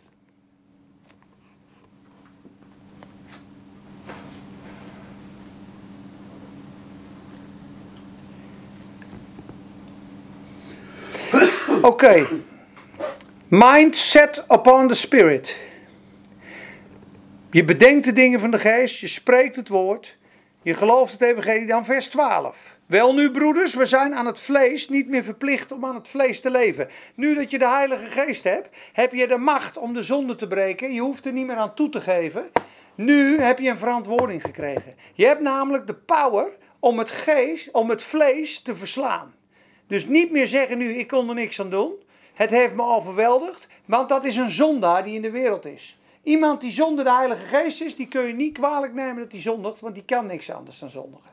Maar iemand die de Heilige Geest gekregen heeft, van de dood naar het leven is gegaan, die is vrijgezet door God. En God zegt, luister, hier is vlees, hier is geest, maar je hebt de power. Maar jij bent degene die vandaag zegt, ik kies Christus en de geest, of ik ga leven voor mezelf. Dus zegt hij, we zijn schuldig om niet meer naar het vlees te leven. Want als u naar het vlees leeft, als je je eigen zin doet, zult u sterven. Dat brengt de dood. De dood in je gebed, de dood in je huwelijk. Ga maar lekker zuipen, ga maar vreemd, ga maar allemaal dingen doen. eens kijken hoe je leven naar de knoppen gaat. Ook als christen. Er zijn christenen met gebroken huwelijk hoor. Door vleeselijk leven, door niet vergeven. Wat denk je, iemand niet vergeeft en je blijft verbitterd. En de zegen en de blijdschap gaat weg. En je wordt kritisch. En je gaat niet meer naar de kerk. En op een gegeven moment is het na vijf jaar, ik weet het allemaal niet meer. Jij hebt het ook meegemaakt dichtbij. Laten we daar ook voor bidden. Want ik ken je vader van net daarna. Hè? Ja, ik zit er ook aan te denken. Ja. Ja, Peter, maar ze hadden geschreven, hoop het komt allemaal met het half. Ja, maar luister. Ja, maar luister. Ik ken ook iemand, zijn vrouw is vreemd gegaan. Die had een knauw opgelopen. Snap je? En als je dan drie, vier maanden super verdrietig bent, super teleurgesteld en je komt er niet uit, er is, dan moet je soms uit de put gehaald worden. Maar het is gigantisch lastig voor een ander om te zeggen, of makkelijk voor een ander om te zeggen, ja dat moet even zo en zo. Maar totdat je zelf in een situatie komt.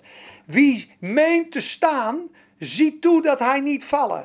Ja? En als jij een ander in een overtreding ziet, Wees hem dan, wijs hem dan terecht in een geest van zachtmoedigheid. Let daarbij op uzelf, opdat je ook niet op je snuffert gaat. Want wij struikelen allemaal in velen. Daarom hebben we elkaar ook zo nodig om elkaar op te bouwen. Want als hij zwak is, ben ik sterk. En de dag dat ik mijn kopje heb hangen, dan beurt hij me weer op. Daarom is die gemeenschap met gelovigen zo belangrijk. Maar we zijn dus Verplicht om niet meer te luisteren naar de Satan en ons vlees en onze eigen ik. Want als u luistert naar uw eigen ik, zult u sterven. Als u echter door de geest de daden van het lichaam doodt, zult u leven. Hoe overwin je de zonde? Door de kracht van de Heilige Geest. Zie dat? Hoe meer geesteskracht, hoe minder vleeskracht. Hoe voller van de geest, hoe makkelijker je de zonde overwint. En hoe doe je dat, zegt hij? Kijk eens, hoe, hoe dood je dan de leden? Hoe dood je dan het lichaam? Immers, uitleg, zoveel als het door de geest van God geleid worden. Die zijn kinderen van God. Je moet je laten leiden door de Heilige Geest. Op het moment dat jij zegt, Heer, ik stuur niet, maar u stuurt. Take control, zei iemand. Zeg dat maar eens tegen de Heer. Take control, zeg het maar eens. Heer, neem controle. Heer, neem het roer om in mijn leven. Neem het roer over in mijn leven. Zeg het maar. Heer, neem het roer over in mijn leven. Zet het maar in de comments, jongens. Heer, neem het roer over in mijn leven. Take control. Leid mij nu. Waarom bidden we voor een Bijbelstudie? Denk je dat als ik hier ga zitten zonder de zalving en de leiding van de Heilige Geest, dat er een, een, een studie uitkomt? Eh eh eh zweet, gedachten, lijn. Geloof het maar niet, jongens. Denk je dat is, ik mijn werk als verkoper doe zonder de leiding en zalving en genade van God? Gesprekken gaan fout, je reageert verkeerd, je bent tekort, het gesprek loopt niet. Het is niet gezegend en geleid. Alles wat je doet is door de genade van God. Als je dat toch eens zou zien. Heer, neem mij, Heer, neem mij het roer over in mijn leven. Halleluja. Heer, neem het roer over van mijn leven. Halleluja. Hoppakee, maar dat is het. Immers, zoveel als ze door de geest van God geleid worden, die zijn zonen van God. Hier staat kinderen, die worden volwassen. Hier staat volwassen zonen van God. Allen die door de geest van God geleid worden, worden mannen van God, vrouwen van God, koningen van God. Gaan regeren, gaan spreken, gaan staan. Want u hebt de geest van slavernij niet ontvangen, die tot angst leidt. Ben je bang? Nee, ik ben niet meer bang. Oké. Want u hebt de geest van aanneming tot kinderen ontvangen. Je bent een kind van God. En wat schreeuwt die geest? Abba, vader. De geest zelf getuigt met onze geest dat wij kinderen van God zijn. Je voelt het nooit, want dat is je ziel. Ik voel me geen kind van God. Ik weet niet of ik een kind van God ben. Dat is je gedachte. Ik denk het, ik voel het, ik wil het. Ik weet het niet. Is altijd twijfel in je ziel. Maar in de geest. De geest getuigt met jouw geest in je hart. Je bent een kind van God. Daarom je het woord spreekt, bent in de gemeente. Tuurlijk ben ik een kind van God. Zonder twijfel. Hier weet ik het. Maar hier zul je altijd twijfel hebben. Hij in je gevoel zit, ja, ik weet het niet hoor. Ik heb mensen meegemaakt hoor, huilend hoor, aanbiddingleidsters. Zou ik de Heilige Geest verleuren, hè, zei ze. Ik voel het niet meer. Ik ben hem al acht jaar. En mager dat ze was. Ze was beschadigd in een kerk. Ik zei, lieverd, je kunt hem niet verliezen wel, want die in die tekst. Ik zei, je kan de Heilige Geest niet verliezen. Christus in je. Je bent één geest met hem. Iemand zei dat keer, Peet, je bent één geest met hem. Zoals thee en water vermengd is. Je bent één geest met God. Hij kan zich niet meer van jou scheiden. Niets scheidt jou van die liefde. Hij is in jou. Hij is, jou, hij is jouw onderpand. Die vrouw was bang dat ze de geest verloren was. Volgens mij is die weggegaan, net als bij Simpson. Nee, lieverd. Je gevoel en je ziel zijn aangevallen door de duivel. En de duivel heeft in dat gevoel zegt, volgens mij is het volgens mij de geest niet meer. Want je bent ook zo en zo en zo. Ze was het gaan geloven. Maar reken maar dat het kind van God is. Maar ze is beschadigd. De geest blijft in jou. Forever. Hij zal met jou zijn, hij zal in jou zijn voor altijd. Ik zal u geen zins wezen laten. Niets kan mij scheiden van de liefde van Christus. Niets. Dat is het woord, jongens. De geest zelf getuigt met onze geest dat wij kinderen van God zijn. Als we kinderen zijn, zijn we ook erfgenamen. Erfgenamen van God en mede-erfgenaam van Christus. Ik ben een erfgenaam van God, jongens. Jij ook. Je bent een erfgenaam van God. Halleluja. Ik ga één stukje gelaten vijf doen over wandelen in de geest. En dan stoppen we. Want jullie hebben nu genoeg gehoord. Heb je hier wat aan trouwens? Jazeker. Ja? De geest heeft je geleid en die heeft ons ook uh, geholpen. Kun je dit praktisch toepassen in je leven, denk je? Heb je er wat aan? S'morgen sta je op, mindset. Focus decides feelings. Focus decides feelings betekent waar jij je op focust, daar is je gevoel ook. Als je je focust nu op een akelige situatie in je leven, dan voel je rotgevoelens, rot emoties opkomen. Daarom wil Satan je altijd laten focussen op het negatieve, op wat er niet is, op wat je fout hebt. Dan gaan je emoties erachteraan, je gevoel erachteraan. En als je niet uitkijkt, zit je zo. Als je je focust op het goede van God, ja, en dat begint te geloven en te spreken, wat doet je hart dan? Die wordt blij. Er is hoop. God is met me. Er is gunst. Mijn vijanden zitten onder mijn voeten. De geest is in me. Dit is de dag die de Heer heeft gemaakt. Halleluja. Ik focus me op de Heer. Hij is met mij. De engelen zijn met mij. De duivel is onder mijn voeten. Alles wat ik aanraak gaat gelukken. Psalm 1. Hatsa. En met een tegenslag. Ja, dat kan. Het kan een zware tegenslag zijn. En nochtans prijs ik u weer in deze tegenslag. Want uw genade is mij genoeg. Paulus prijst in de gevangenis met een kapotgeslagen rug. Hoe kon die lofliederen zingen? Zijn hele rug kapot te. De diepste kerkers. Ratten aan je tenen. Je, je voeten in het blok. En dan zitten ze samen. Is dit nog een zendingsreis? Vanmiddag stonden we nog op het plein. Helemaal kapot te. Lekkere God ben je. Dan zitten we hier. We kunnen tegen niemand preken. In de duister. Niks ervan. Loven en prijzen. We gaan Gods lof zingen.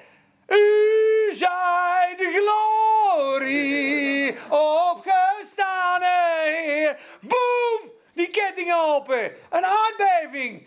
De hele gevangenis naar de Saldemieter.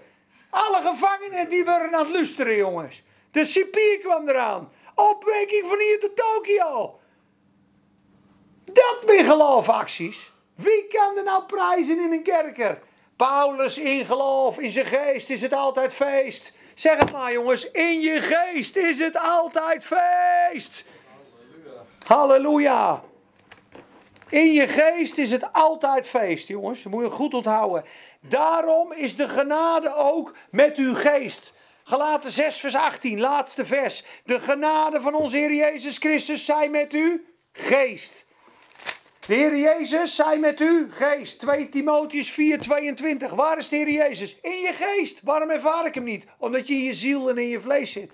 Maar als je gaat aanbidden, gaat luisteren, gaat lezen. En als je er niet uitkomt, bid je, bel je een broeder op, zeg je broer, ik kom er niet uit. Ik heb gebeden, leg op me. Twee zullen tienduizend slaan. Dan bel je William op, zeg je, maat, bid even voor me, joh. Gaan we samen bidden. Paats, paats, paats, alle kettingen weg. Dan ben je er weer. Waarom? Je zit in je geest. Je ervaart de Heer Jezus daar. De genade is daar. De genade is niet in je hoofd en in je gevoel. Echt niet. Hij is in je geest. In de geest is het altijd feest. Oké, vers 16. Dit zeg ik u. Wandel in de geest, of wandel door de geest, en u zult zeker de begeerte van jouw vlees niet volbrengen. Ik heb zin om porno te kijken. Het is een begeerte van het vlees. Ik heb zin om te zuipen. Ik heb zin om dit. Ja, ik ga wel mijn best doen. Ja, dat moet ik eigenlijk niet doen. Ja, dat lukt niet. Boom, boom, boom, daar ga je. Wandel door de geest en je zult voor zeker, 100% zeker, niet vervullen de begeerte van het vlees. Want het geest en het vlees staan tegenover elkaar. De geest is de grootste vijand van het vlees. En de vlees is de grootste vijand van de geest. Geef je die aandacht, wordt de geest bedroefd. Neemt hij de overhand. Sta je op een party met vier pillen op, een beetje GHB, ga je knock-out. Ik heb het meemaakt hoor, in een terugval. Even beginnen met een jointje. Smiddags even een film kijken van Heidi Baker. Heel depri, waar ik zo denk, ja, dat is wel mooi. Ik zit niet lekker in mijn vel. Ga toch even een jointje halen. In Apeldoorn. Jointje halen, nog proberen met God te bidden, halve tranen. Dan gaat de telefoon, hé maat, waar ben je? Ja, in Apeldoorn, joh. Ah, ik ben bij de Eemhof. Uh, kom even hierheen, joh. Een drankje, ja, goed, kom eraan. Een paar meiden daar op, een drankjes op. Als christen, verdrietig, neergebogen. Een paar drankjes op. Nou, meiden gaan aan je neus voorbij. Toen belt er een ander op. Wonder, ik ben in Utrecht, joh. Ik ben bij, bij de rode balten. Hier moet je heen komen. Ja, ik ging er gewoon heen. In de macht van de Satan en de duivel, jongens. In de terugval. We gaan nog veel verder, hè. Dit hoor je niet, hoor. Dit hoor je geen één prediker zeggen. In je geest is altijd feest. Maar dit is een terugval van mij, jongens. Het eerlijke verhaal. Ik ga naar binnen. Ik gebruik drugs. Hop. Alle remmen los. We gaan naar Amsterdam. Stappen in de escape. Kom ik een mannetje tegen, we gaan straks bij Ming zitten. Hè? Ja, is goed. Kennen jullie? Nee, ken ik niet. In Amsterdam zitten. Meer spullen op tafel. Holy water, deze allemaal. GHB. DDB, DDB, DDB. Helemaal. Een paar gram verder. Op een gegeven moment kreeg er een, een, een aanval. Helemaal schudden. Ik weet nog wel, die gingen oud. Dat ik in tongen aan het bidden was. Ja, dat moet nagaan. De ge nee, maar, jongens, sorry dat ik dit verhaal vertel, maar dit is een. Hier weer rustig. Hier weer rustig. De geest, de geest gebruikte mij. Maar daarna ging het nog verder. Hè? Toen zagen ze aan mijn ogen dat ik waarschijnlijk wat meer christelijk was als die aarde. Dus die gasten van het huis, die op een gegeven moment paranoia worden. Die denken, god, die is van de politie, joh. Dus ze worden dat flesjes GHB op. Dus iemand zei, joh, ga je even die flesjes zeuken in die kamer. Want die ene gast was, die lag knock-out. Ja, ik wil een beter, die weer rustig, maar die lag knock-out op de bank. En zijn vrouw ook. Dus ik zit nog met één gazen daar. Allemaal rommel. Die jongen die mijn brug was, is gewoon helemaal naar Spakenbrug gegaan. Die is gewoon aan het werk gegaan. En een dag later zit ik er nog. Toen komt de onderwereld er verlangst.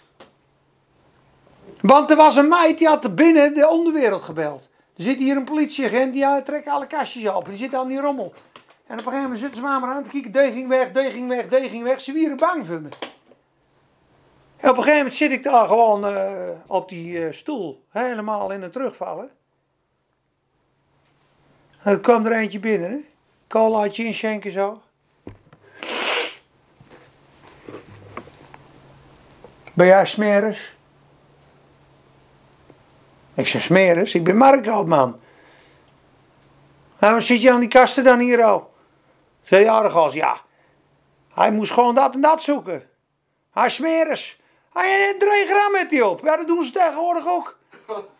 Ja, ik voelde gewoon in mijn buik, als dit fout gaat, die maakt je af, hè. Dan ging hij de buiten zo, dan stuurde hij ze allemaal weg. Is goed zo. Stond gewoon met vijf, zes maanden te wachten, hè. Dat ik met mijn smeris was, samen gewoon af kunnen maken, hè. Kun die gas hem ophalen, dan zit je zo in de auto terug, hè. Ik was weer dood, joh. Heer Jezus.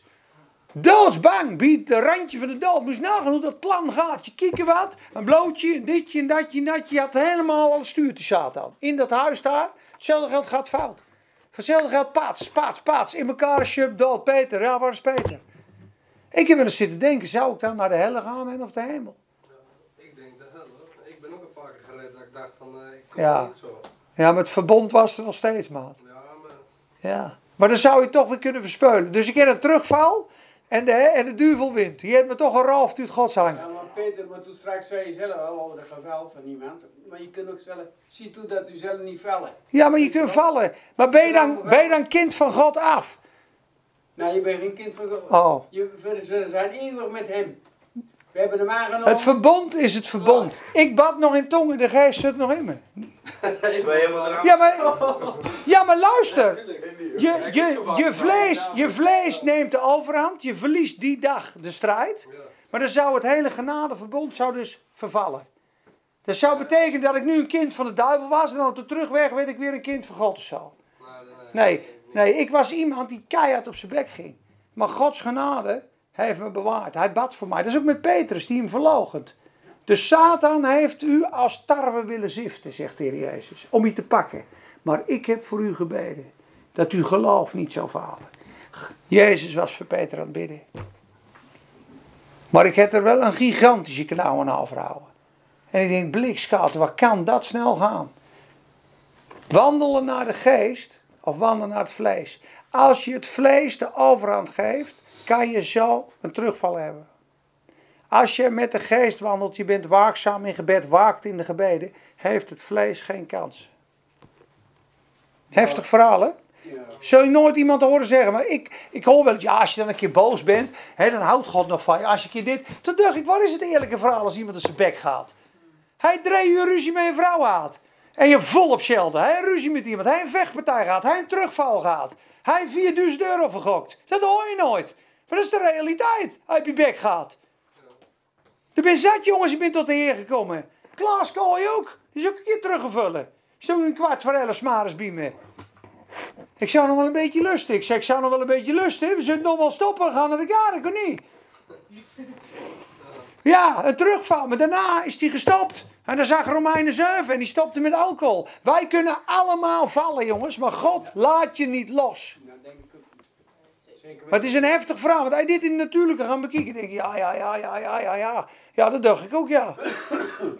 Ja, maar er zou er niemand in de hemel komen. En dat Ik-.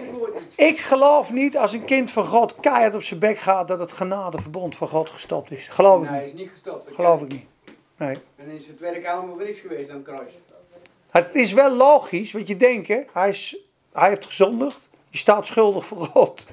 Maar er is geen verdoemenis voor die in Christus Jezus Ik heb zijn. ook zelf wat meegemaakt. Ja. Toen ik echt zwaar aan de shit zat. Ja, En ik heb dingen gezien eh, ja, dat ik, eh, Ik ben echt eh, in de verdoemenis geweest. Ja, In de geest, echt. ja maar ben je... Eh, Maar, was en dat ik in één keer wakker werd, helemaal angstig. ja, ja, maar dat heb ik ook Schreeuwen- meegemaakt. Schreeuwen, hier wil ik niet heen, heer. Ja, joh. Heb ik ook meegemaakt, joh. Ik Donderdag. weet niet hoor, als ik toen dood ga, weet ik zeker dat ik daar beland had. Maar was jij wedergeboren? Nee, toen nog niet. Nee, maar dan hebben we het toch niet over een kind van God. Kijk, ik heb ook wel eens een hele angstige aanvallen. Ik heb wel eens magerheinen zijn. Magerhein. Ik weet, niet, ik weet alleen niet of dat voor mijn bekering of na mijn bekering was. Maar het maakt ook verder niet uit, jongens. Het gaat hier om. Het genadeverbond van God is om niet uit genade. Ik ben gekocht en betaald. Maar ik kan dus door foute keuzes keihard op mijn bek gaan. Stopt zijn genade dan? Stopt zijn liefde dan? Nee. Zijn liefde beurt je juist op. En de Wat kracht. is het nut van de duivel dan, als, die, als, als wij toch niet meer weggeroofd kunnen worden? Ja, om je gek te maken hier. Hier kan je toch ineffectief maken dat je geen kinderen, eh, mensen meer bij de Heer kan brengen. Dat je Christus niet, dat je niet gezegend wordt, dat het evangelie niet meer verder gaat. Je houdt Je wel zou hier kan je nooit meer roven uit Gods hand. Dat zegt de Bijbel ook. Hier kan je niet roven. De boze vat hem niet. Ik geef hen eeuwig leven. Ze zullen geen zins verloren gaan in de eeuwigheid. En de boze vat hem niet. En, en mijn vader die groter is dan allen. Niemand kan ze uit zijn hand roven. Niemand. God houdt me vast. Dat is nu het genadeverbond. Want vroeger in het Oude Testament, als ik viel, was ik wel weg bij God. Maar wat staat er nu? Hebreeën 7, vers 22. Door dit verbond is Jezus onze garantie geworden. Want vanwege de zwakheid van de mens is er een nieuw verbond gekomen. Omdat ze er niet in konden blijven. Het oude verbond heeft gefaald. Daarom is er een nieuw verbond gekomen. Dat verbond is tussen Christus en de Heer en de God. En jij bent in dat verbond ingesloten. En als je op je bek gaat, kun je wel een tik aan je oor krijgen van hem. Je kan je tuchtigen. Maar je laat je nooit meer los. Dat is jouw garantie. Dat, dat heeft mij uit de zonde doen komen. De angst om af te vallen heeft mij altijd in de zonde gehouden. Want ik was dan zo bang voor God. dat Ik denk, nu ben ik geen kind van God meer. Totdat iemand zei, nee, je bent nog steeds een kind van God. Toen dacht ik, oh, dus God. Ik ben wel eens een vullen, toen zei de Heer Jezus, je bent nog steeds rechtvaardig. In, in spreuken, was ik teruggevullen met pillen aan het begin. Helemaal brullen zo. En die Bijbel is, ik doe die Bijbel open. Spreuken 24, vers 16. De rechtvaardige zal zevenmaal vallen, maar weer opstaan. En toen begon ik te brullen. Ik denk, hè, hoe kan, hoe kan die Mik nou nog rechtvaardig nemen? Een rechtvaardige zal zevenmaal vallen, maar hij staat weer op. Ik ben nog steeds rechtvaardig. Hoe kan dit? Dat is de genade van God, jongen. De genade van God. Die is groter dan de zonde. Dan breekt je hart, jongen. Dan zeg je, mijn koning is groter dan de zonde. Nee, dan kom je eruit. Dat overwint de zonde, jongen. De goedheid van God leidt tot bekering. De genade is de verpulvering van de zonde. Dan kunnen maar weinig mensen handelen dit, hoor. Maar dit is dat woord wat ik zeg aan het begin. Voor een christen om ooit nog onder verdoemenis te komen, is niet alleen onmogelijk. Het is absurd. Wat met Christus is gebeurd, is met jou gebeurd. Het is een voldongen feit. Hij heeft je uit de dood in het leven in de hemelse gewesten gezet. Maar nu, hoe ga je wandelen? Ga je wandelen tot eer van God of leef je voor jezelf? Verbrand straks je werk, 1 Korinthe 3, of ga je met loon en kroon en opgeheven handen? Heer Jezus, ik heb alles aan u gegeven, want u was het waard. Oh, lief het. En er zullen er een paar tot schaamte gesteld worden. Dat staat er zelfs. Maar zijn verbond faalt niet, want er staat, hij zal schade lijden aan zijn ziel. Zijn werk zal verbranden, doch hij zelf wordt gered. Al zeg ik u wel, het zal door vuur heen zijn. Met andere woorden, je erfenis is weg. Maar je bent brullend in Gods handen vallen. Oh, uw genade, uw genade, uw genade. Ja, was ik hoogmoedig. Wat heb ik het laten schieten. Wat was ik bezig met mijn zaak en niet met uw koninkrijk. Maar Heer, ik dank u dat u trouw bent aan uw genade. Maar wat is het mooi als we straks daar staan. Als overwinnaar. Ja, maar Peter, wat als je nou als wedergeboren christen de onge, onvergeven zonde pleegt? Ja, dat, dat- nee, ja, daar zijn ook weer Het Jongens, we gaan er vandoor. I love you. Arie, lieverd. Het genadeverbond. Oh, je moet hem terugluisteren. Ik ben begonnen met Romeinen 8 vers 1. The doctor.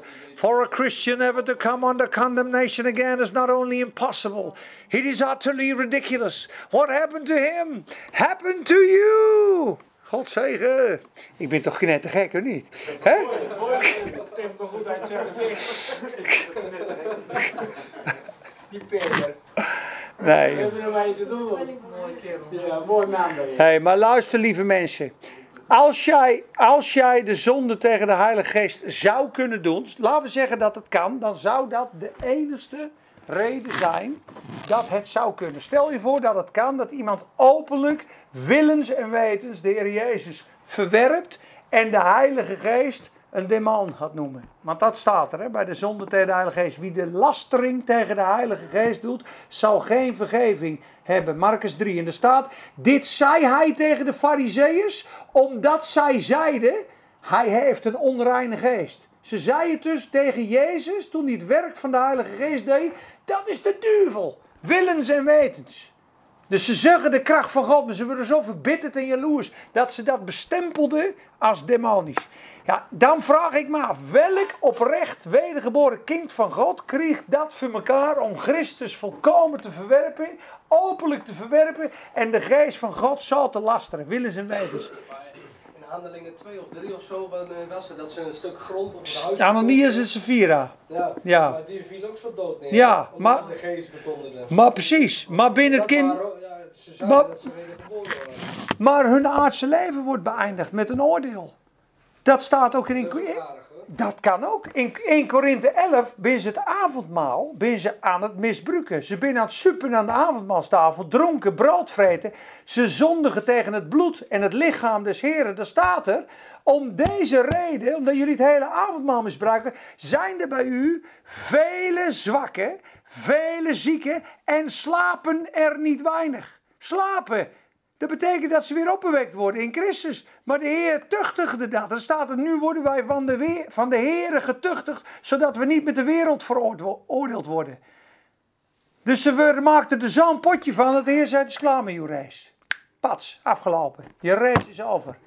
Maar dat betekent niet dat ze geen kinderen van God zijn, want ze staat, slapen er niet weinig. Ze worden straks weer opgewekt.